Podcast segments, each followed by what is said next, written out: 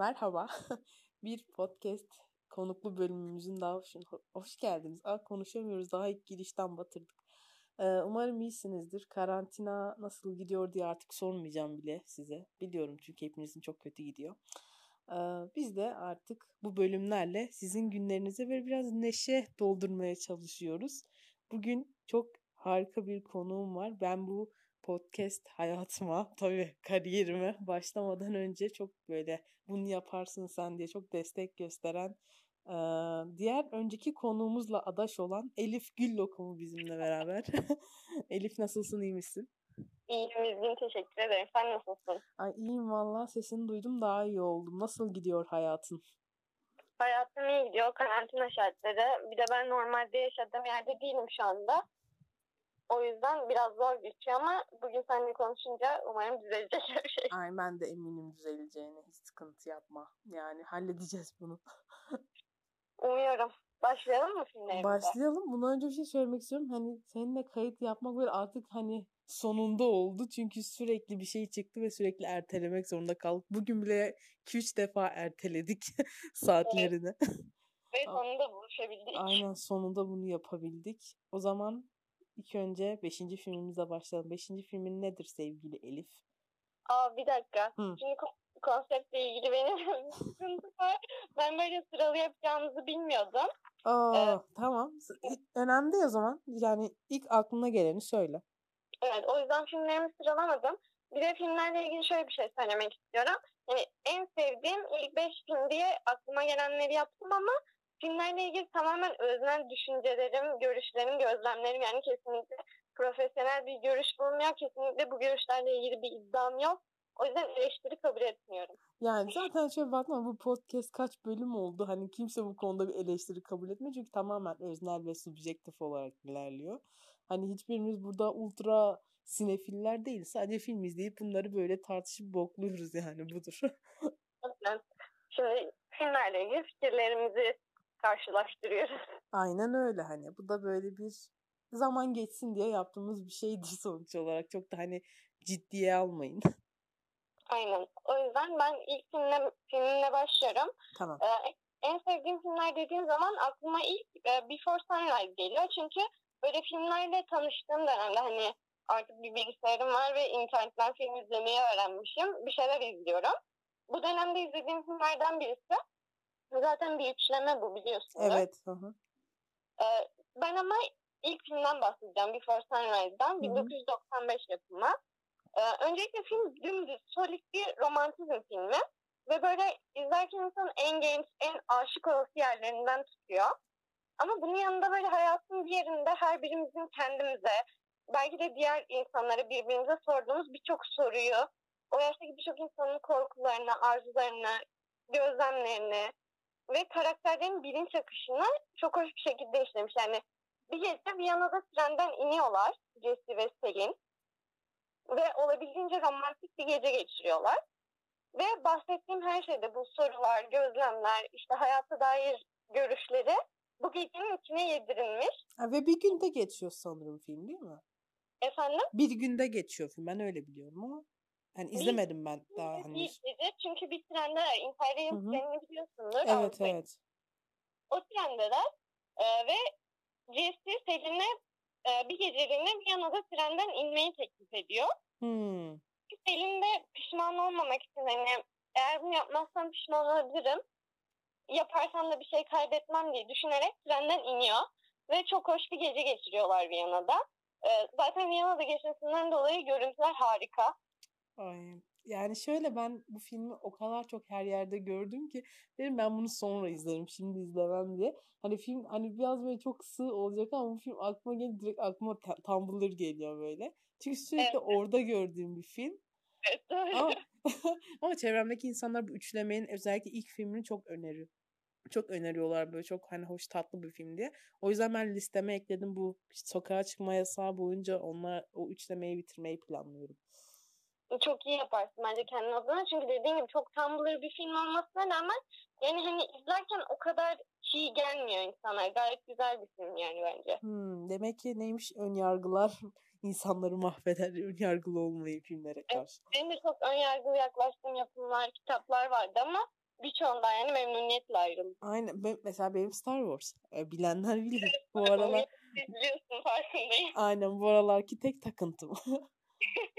Star Wars dizileri Google aramaları. Aynen öyle. Hani bu aralarki tek takıntım. Çünkü ben önceden çok önyargılıydım. Ha dedim yani çok abartıyorsunuz falan diye düşündüğüm bir seriydi. Hani böyle bitirdim. Allah'ım ne yapmışım ben bu zamana kadar demiştim. Hani o yüzden artık önyargılı olmuyorum. Evet herkesten çok özür dilerim ama benim de Yüzüklerin Efendisi için aynısı geçerliydi. Ve sonra geçen yazdım sanırım. Hem okudum hem filmlerini izledim ve yani harika şu an hayatıma çok başka bir boyut getirdi. Aynen öyle. Yüzüklerin Efendisi olsun, Star Wars olsun. Hani başka bir yani Harry Potter demeyeceğim ama hani bu güzel iki üçlemelerimiz sağ olsun. Üçlemeler ne ya hani seriler. Allah hayatımıza renk kattı. Ben hani Yüzüklerin Efendisi'nden daha üstte belki bir şey hiçbir şey sevmem diyordum. Ama şu an Star Wars Yüzüklerin Efendisi böyle aynı kademede benim için. Bu arada son üçlemeyi de izledin mi? Hepsini izledim. Her şeyi izledim. Beğendin mi peki bu Rey falan? hmm. Şöyle bak ilk film çok güzel. İlk filmi cidden çok beğendim. Bir de ben hani Adam Driver'ı daha önceki Marriage Story olsun böyle şey Black Classman olsun böyle biliyordum. Hani iyi bir oyuncu olduğunda. Orada da beğendim. Şöyle hani Kylo Ren karakteri çok moron. Böyle hani hem moron hem böyle psikopat böyle çok az kişi görmüşümdür ben sinema dünyasında. Hani onu bile çok güzel halletmişti Adam Driver ve ben sırf onun için böyle üçlemeyi bitirdim. Rey iyi ya hani böyle kendi halinde takılan normal bir hani karakter diye düşünüyorum ben. Çünkü böyle wow mesela bir Luke Skywalker ya da bir Princess Leia gibi beni böyle wow yapmış bir karakter değil. Ama hani o da bir karakterimizdir sonuç olarak. o da Allah'ın bir kulu. Aynen öyle. Mesela ben hani yeni üçlemedeki hani yeni sevdiğim karakter kim diye şu Poe herhalde. Poe şu pilot olan Poe karakteri olabilir. Onun dışında bir de Kylo Ren. Onu da Adam Driver'dan dolayı vallahi kimse kusura bakmasın. Fanıysa. ben de Adam Driver'ı seviyorum. Zaten birçok rolün altından iyi kalktığını düşünüyorum. Ee, ama son üçlemeyi kesinlikle sevmiyorum. Sadece Rogue One'ı çok beğenmiştim. Aa ben Rogue One'ı daha izlemedim. Onları hani şey demişlerdi bana Star Wars izleyen arkadaşlarım. Hani ilk önce normal orijinal serileri bitir ondan sonra yan filmleri izlersin. Mesela Han Solo'yu falan kimse önermiyordu. Dedi. Hani fanları bile o filmi yok sayıyor. Hani Rogue One'ı izlesen yeterli falan demişlerdi. Aynen ben de Rogue One'ı çok beğenmiştim. Bu arada geçenlerde televizyonda mı yayınlandı ya da önümüzdeki günlerde mi yayınlanacak öyle bir şey. Rogue One mı? Evet ama Bak, dublajlı olduğu için tabii. Orada Gerekli yok o zaman. Ya şey Aynen. ben Rogue bir sahne var orada Darth Vader'ın geldiği bir sahne. Sırf onu, o sahne için izleyeceğim ya oturup. Darth Vader'ı seviyoruz burada. Zaten Darth Vader'ın geldiği sahne çok etkileyici ama genel olarak film de çok güzeldi. Hmm, anladım. Ben önceleri hani ben filmi şeye göre izlemedim. Çıkış tarihlerine göre izlemedim. Çünkü büyük plot twistler var ve onları biliyordum. Ta çocukluğumdan beri belki de hani Darth Vader Luke Skywalker'ın babası hani bu olayı biliyordum izlemesem bile.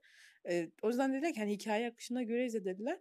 Ben ilk hikayede Anakin Skywalker'ın ilk o hallerini anlattığı zaman şeyinden başlıyordu. Ay ben bir sinirleniyordum buna. Ay diyorum Allah seni kahretmesin. Ne alakası var? Senin gül gibi iki çocuğun var. Ne gidiyorsun karanlık tarafa falan diye böyle şey yapıyordum. Ama o hani orijinal üçlemenin son filminde ben bir ağla bir ağla dedim. Yazık ya. Baba işte. Müzgün senin film izlemenden çok film yorumların harika ya. Teşekkür ederim. Ay yani bilmiyorum ben hani bir şeyleri yorumladığım zaman hani böyle kendimden çok şey katarak yorumlayabiliyorum. Çünkü ancak o zaman böyle sanki bir şeyleri anlatmışım gibi hissediyorum. Onun dışında hani kitaptan okurum aynı şey. evet doğru. İnternetten inceleme okurum değil mi? Aynen öyle ama işte bu arada bu podcast her şeyi de yayın falan. Bunu söylemekten asla vazgeçmeyeceğim. İnsanlar artık bıktı benden. Neyi? Şey sürekli bu podcast'i yayın. Beni ünlü yapın. Beni falan. bir artık hırslarımın kurbanı olacağım bu gidişle. Ama dinlenmedikten sonra çekmenin de bir anlamı yok. O yüzden dinleyin, yayın. Yayın bunları ya. Bak mesela bu arkadaşımız, bu Elif arkadaşımızın da bir podcast'i var. Kitap yorumluyor kendisi. Evet daha bir tanesini yayınlayabildim. Bir tane de çektiğim var onu henüz yayınlayamadım. Bir süre ara verdim podcast'a ama devam edeceğim. Aynen kendisi çok güzel kitaplar yorumluyor. Moby, Moby Dick öne yaptın değil mi? Yanlış Aynen Moby yaptım. Çünkü ben de mesela şey hani herkesin hayatında böyle kendisini acayip etkilemiş olan kitaplar vardır. Benim için de şöyle oldu. Ben Moby Dick'i küçükken böyle okumuştum. Ama bir yerinden tutmuş beni. Kısa versiyonunu okumuştum tabii. Böyle sürekli lise boyunca, üniversitede falan Moby Dick okuyacağım, Moby Dick okuyacağım. Bir Moby Dick okuma hevesim, hırsım vardı. Ama bir türlü o Moby Dick'in tam baskısını alıp da okuyamıyordum. Ve bu seneki doğum günümde bana Moby Dick'in tam baskısı hediye edildi. Ve en nihayetinde okudum ve gerçekten hani e, hem hevesimin, hevesimin karşılığını aldım hem de edebi olarak işte kişilik olarak falan beni çok besledi kitap.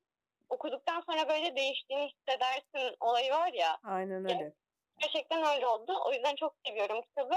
Bayağı da ayrıntılı bir şekilde yorumlamıştım podcast'ta. Aynen öyle. Bak bu film podcast'ta bak biz kitap da öneriyoruz burada. Moby Dick de okuyun. O da güzel. Neyse Before Sunrise'a dönelim. Aynen de çok dağıldı yine. Yine benim yani beni bana konuk gelmenin lanetlerinden biri konu çok dağılıyor. Çünkü ben konuyu hemen dağıtan bir sunucu oldum artık. Olsun ben zevk alıyorum.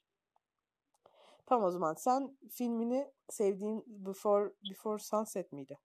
Sunrise. Sunrise. Sunset de var. Midnight da var hatta. Geri geri evet, Kafam bunların isimleri sürekli karıştırıyorum. Efendim? Onların isimlerini sürekli karıştırıyorum. Hani hangisi önde geliyordu diye. Midnight, Sunset. Evet doğru. Onlar hani.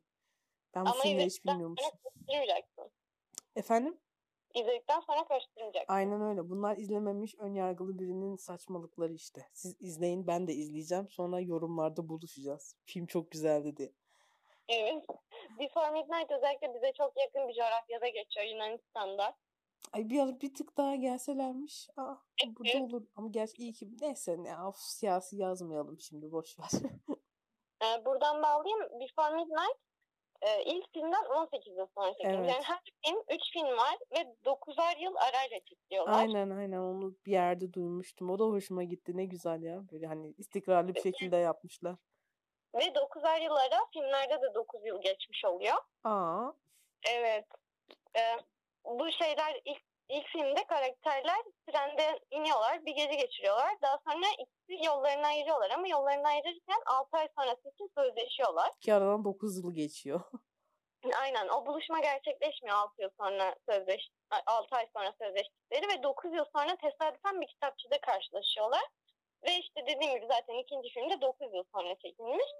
Ve filmle ilgili en sevdiğim kısım da sabah olduğunda artık yollarını ayıracakları zaman geceyi geçirdikleri bütün mekanları gösteriyor yönetmen. Ve bütün mekanlar sessiz ve buruk kalmış. Bunu izlerken böyle bütün replikler tekrar aklıma şişmişti ve gerçekten insanın içi buruluyor yani. Romantik geldi vurdu. Ve bu filme dair söyleyeceklerim de bu kadar. Duygusal top olmak yine can aldı ya.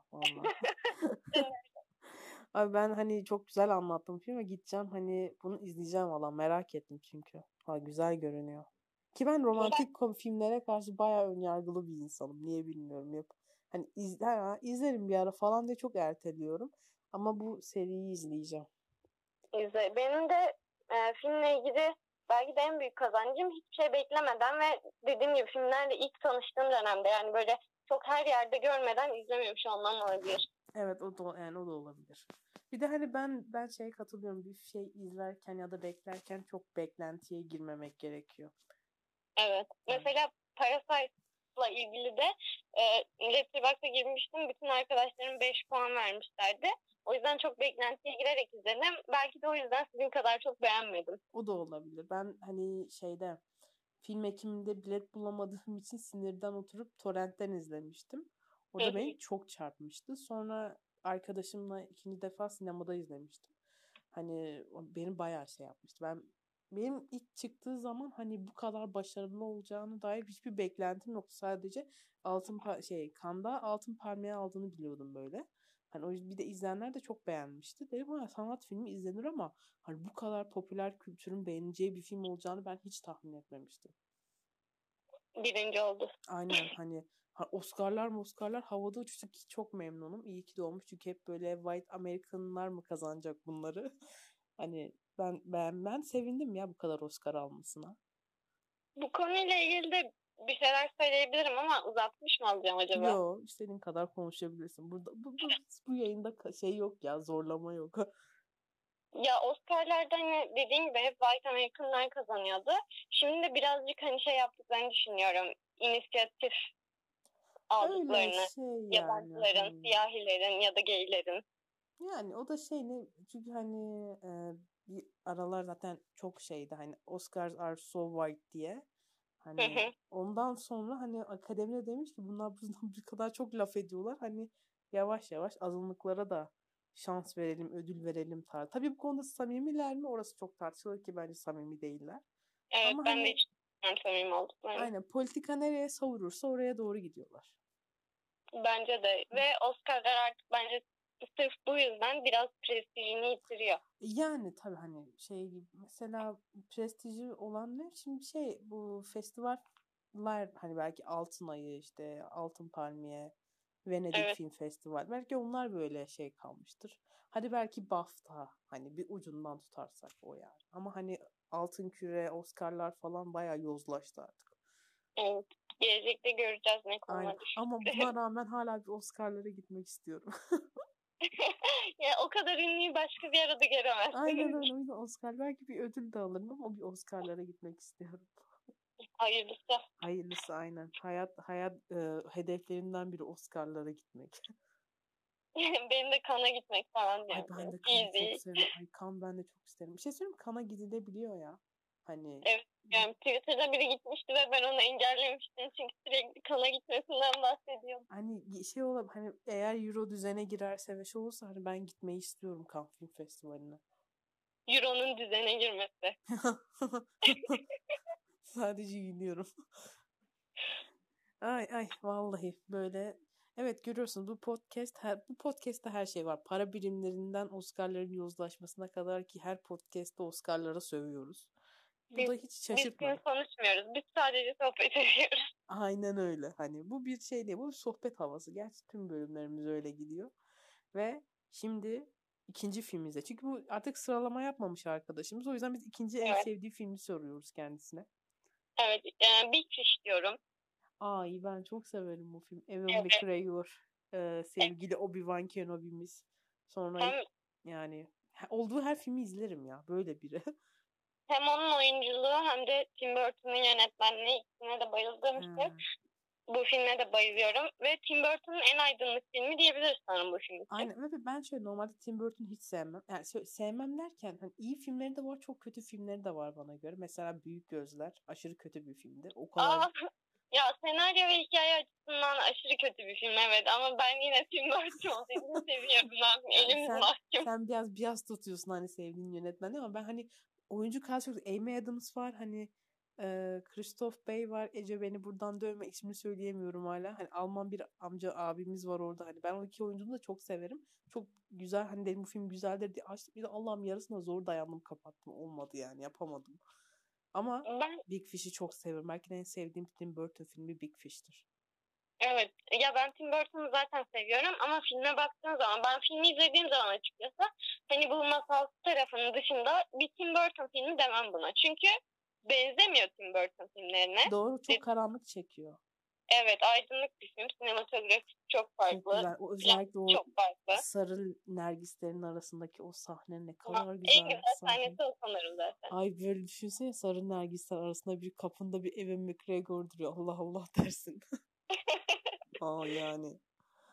Aa, ben çok sevdim o filmi. Ve böyle hani insan bir ara Twitter'da çok şey oluyordu ya hani doğum günündeki çiçek ne diye. Benimki işte o filmdeki nergisler. Ay çok o yönden de filmi çok seviyorum. Niye bilmiyorum. Ya bence zaten kesinlikle sevilecek bir film değil ve izleyip de sevmeyen bir insan olursa şaşırırım.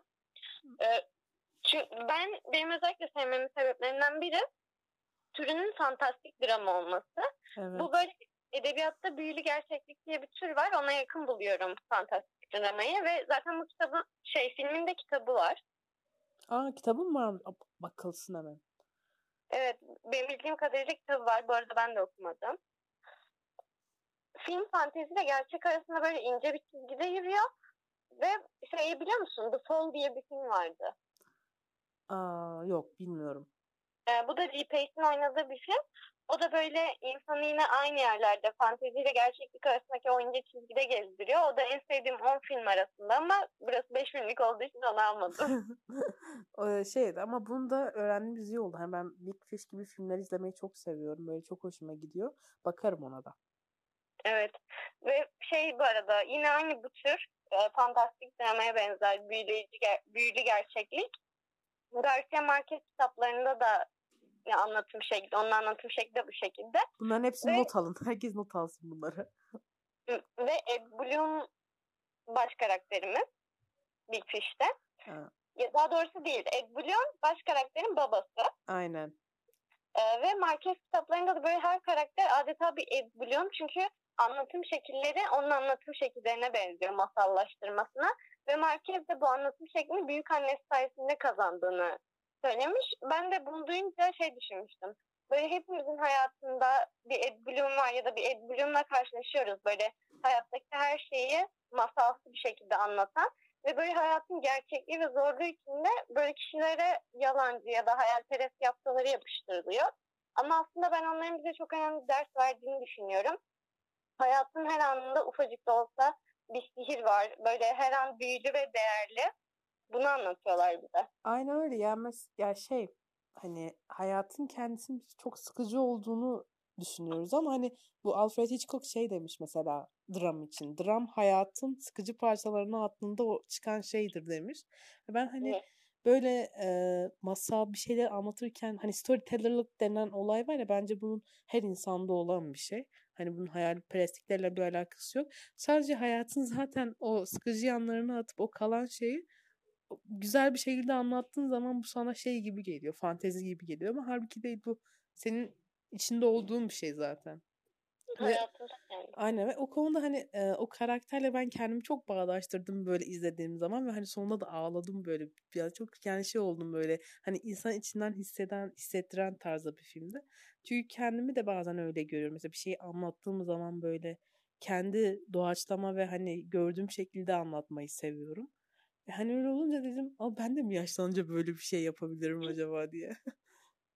Yani bence Ed'in zaten en önemli özelliği gözlem yeteneği olabilir. Çünkü e, önemli olan şey orada bir şeyleri kendi gözünden farklı şekilde görmek ve Doğru. insanlara bu şekilde aktarabilmek. Aynen hani bakmak değil de işin aslı görmede kalıyor hani. Bilmiyorum bunu belki de çoğu sanatçının hani başarılı yönetmenlerin, sanatçıların, oyuncuların bence en büyük ortak özellikleri çok iyi gözlem yeteneklerinin olması. Evet yazarların da bence. Çünkü az önce Marquez'den bahsettim mesela. Marquez'in de kitaplarında belki sıradan bir olay anlatılıyor. Bir mahallede, bir köyde yaşanan cinayet. Kırmızı Pazartesi diye bir kitabı var. Okudum bilmiyorum. Okudum. Ben çok severim o kitabı. Mesela Kırmızı Pazartesi'de aslında çok olağanüstü bir olay anlatılmıyor. Ama kitabı okuduğun zaman çok fantastik bir şey okuyormuş gibi hissediyorsun. Çünkü Aynen mesela öyle birisinin bağırsakları akıyor akarak işte bilmem nereye kadar kilometrelerce gidiyor falan. Bu şekilde hani böyle gerçek mi halüsinasyon mu böyle tasvirler var. Ya şey hani kitabın mesela ne olacağını sana zaten ilk başta bile diyor. Bir adamın öleceğini kasabadaki herkes biliyor o gün. Ve hani kimse evet. bir şey yapmıyor. Hani baktığın zaman bunu bir toplum toplumsal olarak bir söylem olarak da görebiliyorsunuz bunu hani. Bir şeylerin olacağını herkes biliyor ama kimse harekete geçmiyor. Hani bunu baktığın evet. zaman Hani günümüzdeki çoğu insan, mahalle, şehir bu şekil yani. Hani ve, ve merkezin bunu anlatmasındaki işte önemli nokta e, olay değil yani olay kurgusunda o kadar olağanüstü bir şey yok. Harika değil ama anlatış şekli olayı Aynen öyle. Özel kılıyor. Ben çok severim o yazarı ya. Bir de hani Kırmızı Pazartesi beni çok etkilemişti. Ha, sonra diğer kitaplarını da alacağım. Ay bu film podcast'i kitap podcast'ine dönüyor ya. Ay vallahi her şeyi öneriyoruz burada. şarkı açacağız aslında. Şarkı aynen buradan şarkı da öneriyoruz. Arada bir üçleme yapalım. Evet. Big Fish'le alakalı demek istediğin bir şeyler daha var mı dostum? Hayır Big Fish'le ilgili söylemek istediğim Aynen. Kadar. Çok güzel bir film. Netflix'te var bu arada. Ben orada izledim. Şimdi hani hala var mı bilmiyorum. Ama evet, cidden var izlemeniz gereken bir film. Ben onu söylüyorum bu kadar. Evet kesinlikle yani her türden film izlemeyi seven insanlara işte sanat filmi de izlemeyi seviyor olabilirsin. İşte dramda, bilim kurguda, şu da bu da. Ama yani kişi gözetmeden kesinlikle öneririm bu filmi. Çünkü herkesin beğeneceğine eminim. Aynen. Ayrıca Evan McGregor oynuyor. Yani ne kadar kötü olabilir ki? Hani. Aynen. yani gayet güzel bir film. Üçüncü filme geçelim mi? Geçelim. Evet. Üçüncü filmimizi Mizmin izlemedi arkadaşlar. şey mi? Ta- tahmin ettiğim film. Louder Than Bones. Aa evet. Doğru tahmin etmişim. Bu filmi sen bana söyledin ama üstünde o kadar çok şey oldu ki onu izlemeyi şey yapmadım hani. Fırsatım olmadı diyeyim. Ama izleyeceğim çünkü bana biraz anlattığında merak etmiştim. Evet. Biraz daha anlatayım, biraz daha merak et o zaman. Aynen, aynen. Anlat sen. Şimdi bu 2015 yapımı Joachim Trier'in bir filmi. E, bu yönetmen genelde Norveç'te çekiyor filmlerini. Ve e, bu film Norveçli olmayan oyuncularla Norveç dışında çektiği ilk filmi. Hmm. Filmde e, baş karakter Isabel Reed diye bir savaş fotoğrafçısı var. Ve filmde tamamen Isabel ve ailesinin ilişkilerini konu alıyor kendi aralarındaki. Isabel ölüyor filmde. Nasıl öldüğünü anlatmak istemiyorum. O kadar spoiler vermeyeyim. Ve öldükten sonra biz acının birbirine bağlı üç insan görüyoruz. Isabel'in iki çocuğu ve eşi. Ama Isabel'le olduğu gibi her birinin bir diğeriyle, diğerleriyle olan ilişkilerinde çeşitli problemler var. Ee, ve belki de filmi bu kadar gerçek, böyle sarsıcı yapan da bu ilişkilerin normal görünmesi. Ama buna rağmen de altında yanlış olması. Hmm. Kendi, yani kendi aralarında iletişimleri, aile ilişkileri düzgün değil ve Isabel'le de düzgün değildi. Zaten biz bunları Isabel ölmeden önce ve öldükten sonra görüyoruz. Çünkü e, filmin olay akışı dümdüz değil giriş gelişme sonuç şeklinde. Film benim için özel yapan şeylerden birisi de bu. E, hikayeyi yine bahsettiğim gibi dümdüz anlatmıyor. Rüyaları, anıları, hayalleri filmin içine çok izlenebilir biçimde sahnelerle yedirmiş. Ve biz Isabel öldükten sonra Isabel ölmeden önceki olayları da farklı zamanlarda insanların gördüğü rüyaları, hayalleri, onların bilinç akışını bir şekilde görüyoruz. Hmm, anladım. Yani bayağı ilginç bir filme benziyor yönetmenin hiçbir filmini izlemedim daha İlk defa senden duydum. Belki bu filmi beğenirsen diğer filmlerine de bakabilirsin. Bence de olabilir yani. Hani böyle yeni şeyler keşfetmek her zaman güzel oluyor. Evet, öncelikle bu filmi izlemeni öneriyorum. Aynen, listeme ekledim. Böyle bugün izleyecek çok şey var şu an. evet, şimdi Mizgin'in izlediği bir filme geçelim. Ne izlemişim? Dur. Tamam, söyle. Bilmiyorum ama şimdi öğreneceğim. We need to talk about Kevin. Ay ben, aa, aa çok güzeldir o film. Ben severim. Evet. Ve bu filmi yani bu filmi çok, aha, aynen ya şey bu filmi podcast'te herhalde en çok tartıştığımız filmlerden biri ya. Ben çok severim bu filmi. Çok güzel. Hani anne ve oğul ilişkisi yani aile kavramı ilişkisi üzerine hani yapılmış en iyi filmlerden biri bence. Ya bu filmle ilgili çok ne konuşacağımı düşünmedim ama şöyle bir şey var. Bu filmde bir yerinden böyle ufak bir noktasından az önce bahsettiğim Louder'dan Bombs'a bağlayabiliriz. Çünkü dediğim gibi aile ilişkilerini konu alıyor en temelinde. Aynen öyle. Ve hani mesela toplum şimdi burada işte TED konuşmasına bağlayacağım ama hani günümüzde kadınların ilk önce anne sonra kadın olma üzerine çok kimlik karmaşası yaratıyorlar. Hani bunu böyle yaftalanıyor. Hani bir kadın anne doğar ya da hani kadının ilk görevi anneliktir tarzı bir şey. Ama bu filmde gösteriyor ki hani her kadın anne olacak diye bir şey yok ve kimse hani her kadın annelik yapabilecek diye bir şey de yok. Hani bunu anlatan çok güzel bir film bence. Çünkü orada baş karakterimizdeki kadın aslında anne olmayı istemiyor. Ve çocuğu da bunun farkında. Belki de bu kadar kötüleşmesinin sebeplerinden biri de e, bunu bildiği için. Hani bu Ezra Miller'in oynadığı karakter. Ama zaten çocuk özünde de manyak, psikopat. Annesinin bu tavrı da onu daha da körüklemiş olabilir diye düşündüm ben. Evet, evet şeyin, annesinin de Eva'ydı sanırım değil mi? Aynen Eva'ydı aynen. Ya ben bu filmi aslında şey için izlemiştim. Ezra Miller için. Utanarak söylüyorum ama o dönem işte Ezra Miller'ı fark etmiştim. Sanırım Stanford Prison Experiment diye bir film var biliyor musun onu? Yok bilmiyorum. Stanford Hapishane Deneyi diye. Bu filmden de çok kısa bahsedeyim. Onda da e, gerçekten yapılmış bir deneyin filmi. Ha şey bir kısım şey mahkum bir kısım gardiyan. Evet evet Anladım aynen. hatırladım tamam. Bu filmde de Ezra Miller oynuyor sanırım o filmi izlemiştim bir yerden bulup. Daha sonra Ezra Miller'ı fark etmiştim. Hani bu oyuncu iyi tutarım gibisine. Sonra işte oynadığı filmlere bakıp Kevin'i izlemiştim. Ya tabii onun da katkısı var ama e, beni izlediğimde daha çok Tilda Swinton etkiledi. Harika bir karakter o. Ya Evet. kadın harika ya. Çok seviyorum Tilda Hanım. harika bir oyuncu. E, bu arada bunun da kitabı var. Evet onun da kitabı varmış. Onu ben de şey yaptım ama hani hiç bakmadım sonra hani alıp okur muyum diye. Filmi bana yetti çünkü. Ya genelde ben e, kitapları okuyup daha sonra filmleri izleyen o insanlardanım ama şöyle bir şey var.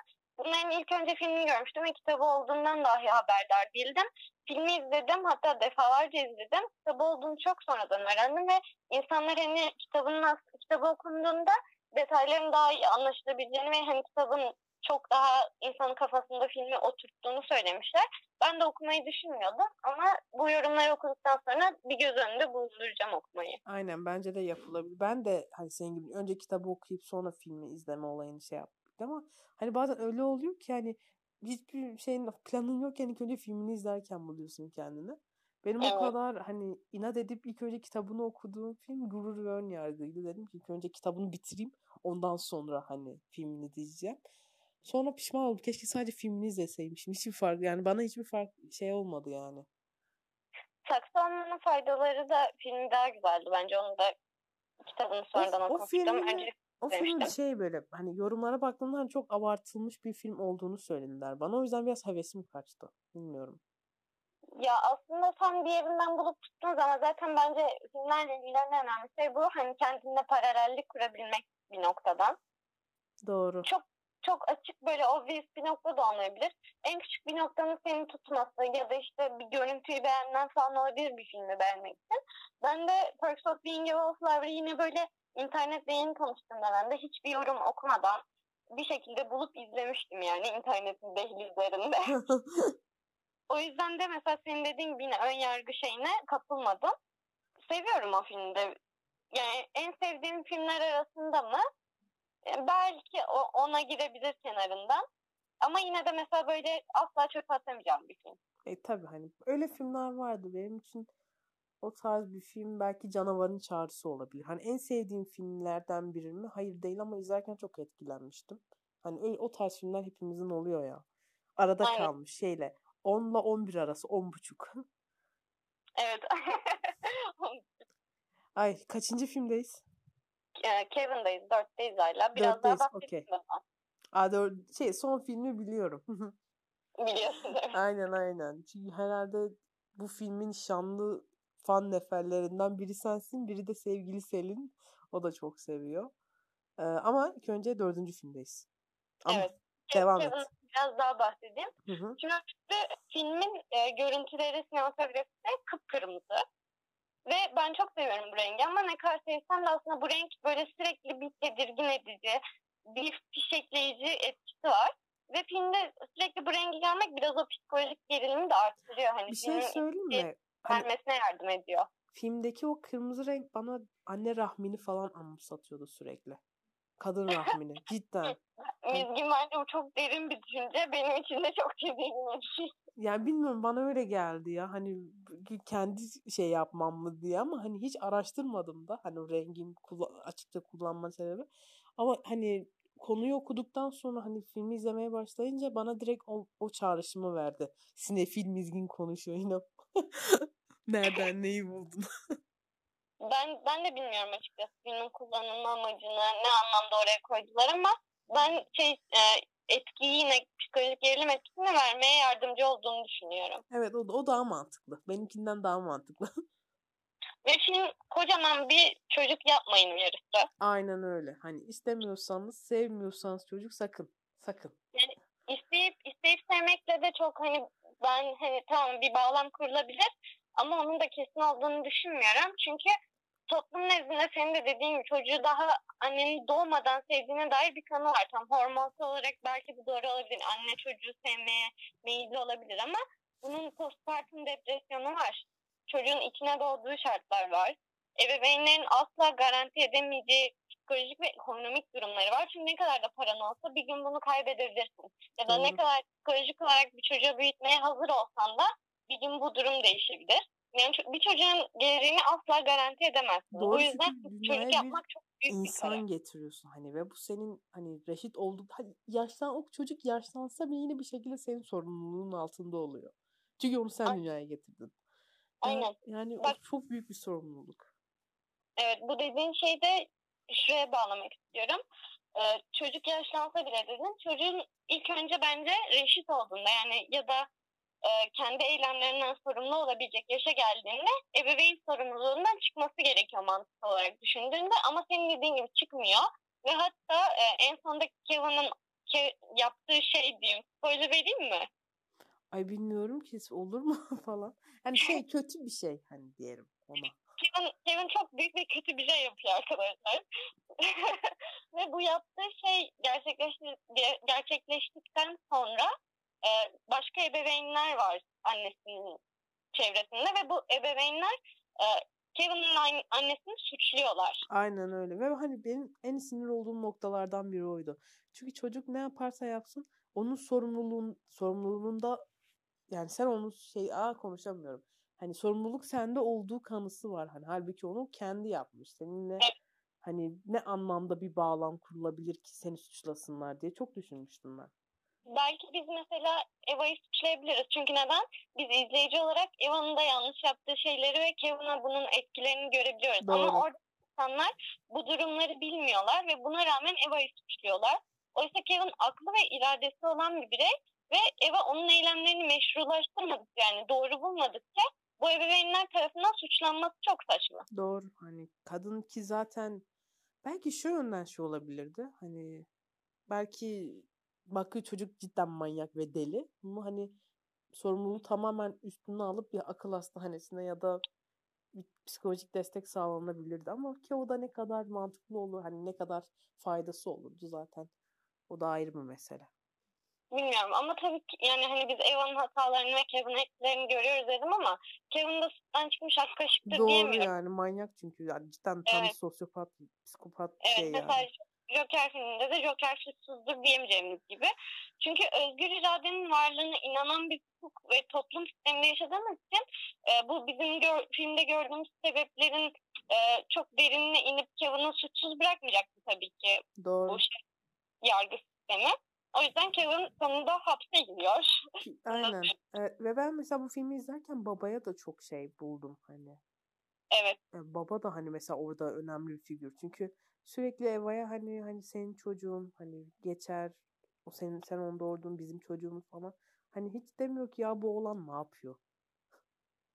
Bir de şöyle bir şey var. Her ne kadar e, değişmiş gibi görünse de bu algı genelde çocuk annenin çocuğu olarak görüyor ve annenin sorumluluğunda görünüyor. Mesela yüzde 60'a 40 da olabilir bu. İşte 56'ya 44 falan da olabilir ama yine çoğunluk anne de oluyor. Aynen öyle. Hani anne çocuğa bakar. Baba gelir sadece sever şeyi var. Evet. bu yönden hani bu film böyle hani ben bir çocuk ya gelecekte çocuk mu düşünüyorum falan diye kararsızlığa kapılıyorsanız bu filmi izleyin istemeyeceksiniz sonra eminim. Evet bence de. Ve Aynen. filmle ilgili bir şey daha söylemek istiyorum. Bu da son olsun. Ee, film böyle hani olağanüstü derecede gelebilir. Beni gelmiştir. Gelmeyebilir ama amacı gelmek. Ve olağanüstü derecede gerilimli ama bu filmde olağan dışı denebilecek yani hani normal hayatta yaşamda bir insan görebilecek tek şey Kevin'in en sonunda yaptığı o eylem. Ve asıl olarak yani filmi izlerken bu kısım insanı hiç gelmiyor. Aksine rahatlatıcı. Evet. Ve bir ihtimalle Kevin için de öyleydi bence. Yani şey çünkü hani patlayacak olan bombanın gerginliği sonunda geçiyor. Yani ne, evet. yani ne yapacağını ne yaptığını biliyorsun artık. Hani şaşırmıyorsun da. Evet oh şükürler o. Aynen öyle. Sonunda yapacağını yaptığın aferin sana falan tarzı bir şey oluyor yani. Ay yani ben bu filmi çok seviyorum ve Tilda Swinton harika. Tekrar söylüyorum Tilda Swinton harika bir oyuncu. Diğer filmlerini falan da gidin bulun izleyin ben çok seviyorum. Yani evet Narnia izleyin mesela. Narnia da çok iyi. Mesela şeyde Okça izlediyseniz eğer orada da çok iyi. Onu henüz izlemedim. Bong Joon-ho'nun yani Parazit'ten önce yaptığı çok güzel filmler var. İşte Okça var. Ee, Snowpiercer var. O da çok güzel. Snowpiercer'ı izledim ve aşırı böyle underrated, kenarda köşede kalmış bir film olduğunu düşünüyorum. Öyle ya şöyle mesela ben e, yönetmenlerin kendi topraklarında olunca daha iyi işler yaptığını düşünüyorum. Mesela e, mesela Madeo vardı. Yine Bong Joon-ho'nun Kore'de çektiği bir film. Mesela çok başarılıydı. Snowpiercer da çok güzeldi ama mesela Madeo'da ya da Parazit'te aldığım o enerjiyi onda almamıştım. Niye bilmiyorum ya. Snowpiercer'a dair tek kötü şey Chris Evans diye bir yorum görmüştüm. Katılıyorum bu yoruma da. Aslında Çünkü ben çok şey yapmıyorum ya. Bence iyiydi. Ya bilmiyorum biraz donuk geldi bana o filmde oyunculuğu. Hani ben hani onu şey ama ben, ben mesela orada Tilda Swinton'ı çok beğendim. Ve hani benim annem böyle filmleri çok izlemez. Biz beraber izlemiştik. Aşırı beğendim. Ha, kadın ne kadar kötü falan. Ben de dedim ki demek ki iyi bir oyuncu. hani bunu hissettirmiş yani herkese. Evet. Ve Tilda Swinton'a bu oyunculuk işlerine girmeden önce oyuncu olmak için yeterince güzel değilsin demişler sanırım. Evet. Onu ben evet, de yani bizim bildiğimiz işte alışkın olduğumuz güzellik algısına, güzellik tanımına uymayan bunların dışında olan bir insan. E, tamam çirkin değil ama çok hani dediğim gibi Hollywood güzelleri gibi de değil ama oyunculuğuyla kendini öyle bir kabul ettirmiş ki hani ben laf edebilecek bir insan olduğunu düşünmüyorum. Bence de hani Tilda Hanım, Tilda Hanım bayağı başarılı bir oyuncu ve çok nötr bir yüzü var bence. Hem maskülen hem feminen böyle. Ben hani severim öyle yüzleri. Evet. Katılıyorum. Aynen öyle. Şimdi ne var sırada? Beşinci filmimiz. Mizgin'in izlemediği bir film daha. Aynen. Beni bugün sunucuyu linçleme günü. ne izlemiyorsun bu filmleri? Ama izle ne yapayım? Ya, iz, ya şöyle bak. E, sen beşinci filmini söyle. Sonra hani yorumumu yapacağım. Tamam. Bir dakika. Evet, Phantom Thread, Phantom Thread hakkında ne konuşacağım bilemediğim için beynimi dinlendirdim arkadaşlar. Aynen Phantom Thread yani şey Paul Thomas Anderson yönetmen. Ay çok kıskanıyorum o yönetmeni ya. Çok başarılı. Ben çok başarılı insanları çok kıskanıyorum. Evet burada magazine geçiyoruz arkadaşlar. Paul Thomas Anderson'ın eşi de e, şeyde Good The Good Place'te oynayan Yargıç. neydi adı? Yargıç. Aynen evet. harika bir çift bence. Kadın komedyen şey adam hani Böyle dram şeyinde usta bir yönetmen bence süper bir çift. Evet bence de harika. Düşünsene Ve bu öyle bir anne baban var falan. Onlar anne baban ya da. harika ya. Bu film 2017 yapımı bu arada. Ve ben e, bu filmi bu sene izledim. Oscar adayı falan almıştı. Hatta e, en iyi kostüm tasarımı kazandı sanırım. Ama yani e, o dönem nasıl diyeyim e, dedin ya ön yargılı yaklaşıyordum ya ben de ön yargılı yaklaşıyordum. Zaten uzun film izlemekle ilgili bu arada benim uzun film tanımam iki saatten uzun olanlar. Uzun filmleri izlemekle ilgili birkaç sıkıntım var. Odaklanamıyorum. E, iki saat on dakika Phantom Thread. Hem onunla ilgili biraz şey yapmıştım. Hani sonra izlerim falan deyip geçiştirmiştim. Hem de e, böyle nasıl anlatayım ya sıkıcı gibi görünüyordu. Hmm. Çünkü filmi 1950'lerde geçiyor. O yüzden izlemeyi ertelemiştim. Sonra Netflix'te olduğunu gördüm ve işte çok övüldüğünü de görüyordum zaten dediğim gibi. Twitter'da olsun, Netflix'te olsun. O yüzden izlemeye karar verdim ve izlediğimde aşırı memnunum. Çünkü gerçekten geçtiği dönemdeki kıyafetler müthiş. E, filmdeki kostüm tasarımı da müthiş. Zaten filmin görüntüleri de müthiş. Ama şöyle erkek arkadaşım şöyle bir yorum yaptı. Filmin görüntü geçişleri sanırım sıkıcıymış. Hmm. Bana hiç sıkıcı gelmedi. Hatta film iki saatten uzun ama böyle ben bir buçuk saat gibi hiç sıkılmadan izlemiştim. Bir çeşit böyle Gun Girl hikayesi gibi. Ama Gun Girl'e göre hiç aksiyon yok. Ee, çarpıcı ama böyle olay yaşanmıyor yani çok fazla. Hmm. Daha çok böyle bir iktidar mücadelesi var sanırım o filmde. Ben Aynen. çok fazla yorum duydum hani Phantom Thread hakkında. Hani daha önceki konukların da listelerin listelerinde olan bir filmdi bu yine. Hani daha çok böyle e, Reynolds mıydı başroldeki karakter? E, Dan, Daniel evet. Day-Lewis'in oynadığı. Evet. Ha, mesela onunla Alma mı yoksa Elma mı neydi kadının ismi? Al, yani, alma sanırım. Alma, alma diyor. Çünkü filmde de Alma diyorlar genelde. Ha, ha, o ikisinin arasında olan toksik bir ilişkinin aslında bir güçler dengesinin ola, evet. anlatıyor film. Aynen zaten ben bu toksik ilişki şeyinden dolayı Gangör'le benzettim. Ve böyle deli kadın karakterleri böyle hani garip böyle ufak rahatsızlıkları var ama hani böyle süper deli de değil mesela şey Gangör'deki Amy Dunn da öyleydi. Hmm, ay manyak kadın. Aynen bu böyle hafif deli karakterleri biraz kendime yakın buluyorum maalesef. bu yüzden almaya bayıldım öncelikle. Ve e, Daniel Day-Lewis'in oynadığı karakter Reynolds dediğin gibi Woodcock'taydı da sanırım. Reynolds Woodcock aşırı böyle baskın bir karakter ve kendi evinin adeta tanrısı. Hmm. Ve kendi evinde hani onun düzeni geçerli. Mesela e, belki görmüşsünüz bu sahneyi. Daha bu sabah bahsediyordum. Kahvaltıda e, Alma ekmeğin üzerine tereyağı sürerken bıçakla ses çıkarıyor. Ve ne kadar ses çıkabilir ki onun? Hani en yüksek ne kadar çıkabilir? Düşün. Hı hı. E, buna rağmen Reynolds aşırı kızıyor. Ve işte güne konflikt, konfliktin çıkması ne müzgün. Şu an Duygu Özaslan. konfliktle başlayamam yine falan diyor. Böyle aşırı sinirleniyor. Yani kendi rutinlerinin bozulmasından, e, her şeyin istediği gibi olmamasından falan aşırı rahatsız olan bir karakter. Dediğim gibi evin tanrısı ve çok baskın bir kişilik, e, çok baskın davranışları var. E, ve ama normalde hani baktığın zaman çok kırılgan, zarif bir kız ve Reynolds'ın iradesi altında ezilmesi gerekiyor ama ezilmiyor ve belli bir noktaya kadar zerafetle böyle aralarında bir güç mücadelesi var. İrade mücadelesi dediğin gibi. Ama bir noktadan sonra işler biraz çirkinleşiyor. Sonra da asıl filmin can alıcı kısmı başlıyor. İkisinin arasındaki dediğin toksik ilişki. Ve son sahneleri izlerken bunu çok özür dileyerek söylüyorum ama böyle benim gibi az da olsa sakat ilişkilerden hoşlananları şehvete boğabilirsiniz. Ve bu kesinlikle artı 18 bir sahne olduğu için söylemiyorum. Sadece ikisinin ilişkilerinin niteliği bakımından söylüyorum. Yani ikisinin ilişkilerinde çok ince böyle e, bir şey nasıl diyeyim ya dışarıdan baktığın zaman toksik değil gibi ama içeriden çok manyakça böyle bir ilişkileri var. Öyle hani böyle resmen hani böyle ateşin etrafında böyle dolaşan şey böyle şeyler gibiler ya bilmiyorum. Evet çok güzeldi ya. Aynen. Ve için çok spoiler vermek istemiyorum çünkü Phantom Thread'i mesela dedim e, Big Fish'i herkese tavsiye ederim diye. Ama mesela öneri isteyen arkadaşlarıma gözüm kapalı tavsiye edebilirim. Aynen. Ama mesela ben yani Thread hani çok şey hani böyle biraz karanlık bir tarafı da var bana göre. Çünkü ben böyle 20-25 dakikasını izledim. Sonra hani devam etme şansı bulamadım. Bir şeyler girdi araya ve sonra unuttum.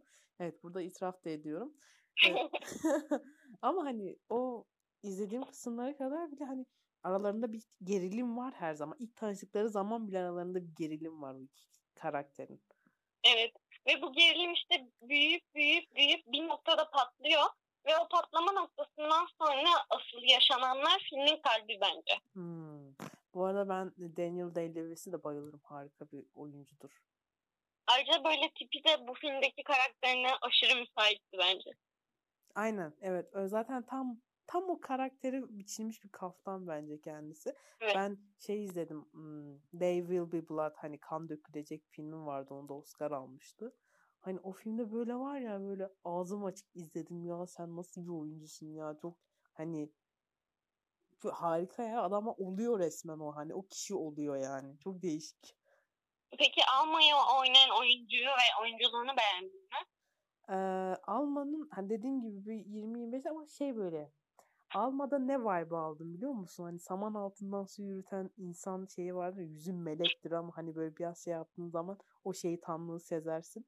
Ha 20. Evet, dakikada bunu ha, hani bunu sezdim ya bilmiyorum. Hani böyle bazen oyuncular hani onu hissettiriyorlar ve hani bence bu oyuncu iyi bir oyuncu yapan şeylerden biri bu. Hani izleyici izlediği zaman bu kızda bir şey var, bu adamda bir şey var diye hani sezgilerinde bir şeyler uyandırabiliyorsa bence gayet iyi bir oyuncu olduğunu gösteriyor bu. Ben az önce bahsettiğim gibi mesela almayı e, pasif bir karakter sanmıştım ve böyle sanki doktorlar Ela gibiydi yani Leyla. Hiç hani bir şey katabileceğimi düşünmemiştim bu karakterin filmine. Zaten film hakkında da bir şey bilmiyordum. Şöyle bir şey vardı. İşte e, bir tane adam var tasarımcı 1950'lerde kıyafet dikiyor. Bu kadar biliyorum yani. O yüzden de hani alma hakkında falan hiçbir ön bilgim yok. Ve dediğim gibi filme bir şey katabileceğini düşünmemiştim. Tamamen Daniel Day-Lewis üzerinde dönecektim sanmıştım. Hatta Amman'ın sürekli bir karakter olduğunu da düşünmemiştim. Çünkü bize ilk başta vurguluyorlar adamın hayatına sürekli modellerin girip çıktığını. Onlardan biri olacak ve gidecek sanmıştım. Ama kalıcı oldu ve hani şeyi kendi karakterini çok güzel bir şekilde yansıttı. O yüzden bayıldım kendisine. Aynen öyle ve hani böyle oyuncuları çok seviyorum ya bilmiyorum.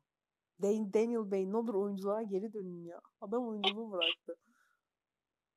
Bıraktı mı şu an? Aynen şey Phantom Thread onun son filmiydi. Aa ben bunu bilmiyordum bak. Evet oyunculuğu bıraktı kendisi. Neden bıraktı? Bilmiyorum adam hani yapabileceği her şey yaptı herhalde. Bilmiyorum ama bence yapacağı bence daha çok şey var. Çünkü bence kariyeri bundan sonra devam edebilir yine ama hani oyunculuğu bıraktığını açıkladı. Bu Kaç hani, yaşında şu anda? 60 bir şey yani 60 yaşında sanırım. Oho Anthony Hopkins bile oyunculuğa devam ediyor. Bence Aynen ya Anthony Hopkins tekerlekli sandalyeyle gidiyor oynuyor rolünü ya siz niye böyle yapıyorsunuz? o da iyice delirdi. Saçma sapan videolar çekiyor. İşte yaşlı bakın. Belki de o da öyle olmamak için bırakmıştır.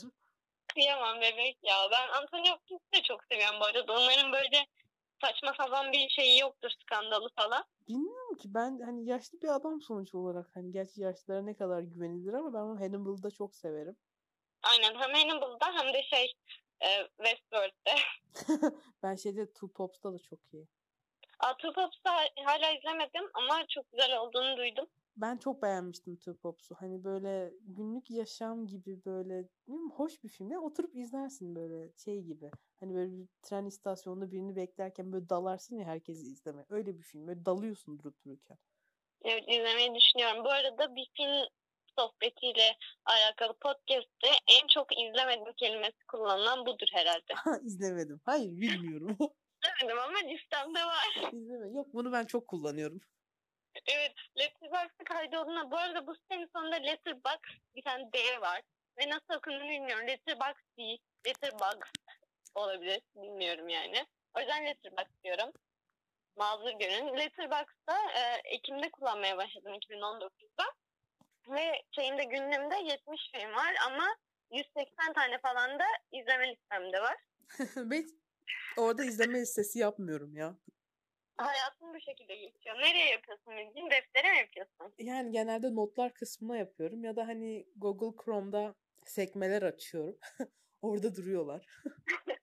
ben orada gördüm mesela arkadaşlarım izlemiş beğenmiş veya başka bir yerde görünce yine e, uygulamaya giriyorum. Oradan izleme listeme gidiyorum. Film izleyeceğim ve aklımda bir şey yoksa da izleme listeme girip oradan seçmeye çalışıyorum. Ben o da mantıklı şey oluyor. Mesela diziler için yapılan şey de vardı yine aynı Letterboxd tarzı ama ben hiç onu kullanmamıştım. Ama bu ben Letterboxd'ı cidden hani geçen senenin hani o Irishman çıktığı zaman böyle bir açmıştım ama hiç anlamamıştım nasıl kullanacağıma dair. Daha yeni bu Ocak ayından itibaren böyle aktif olarak kullanıyorum.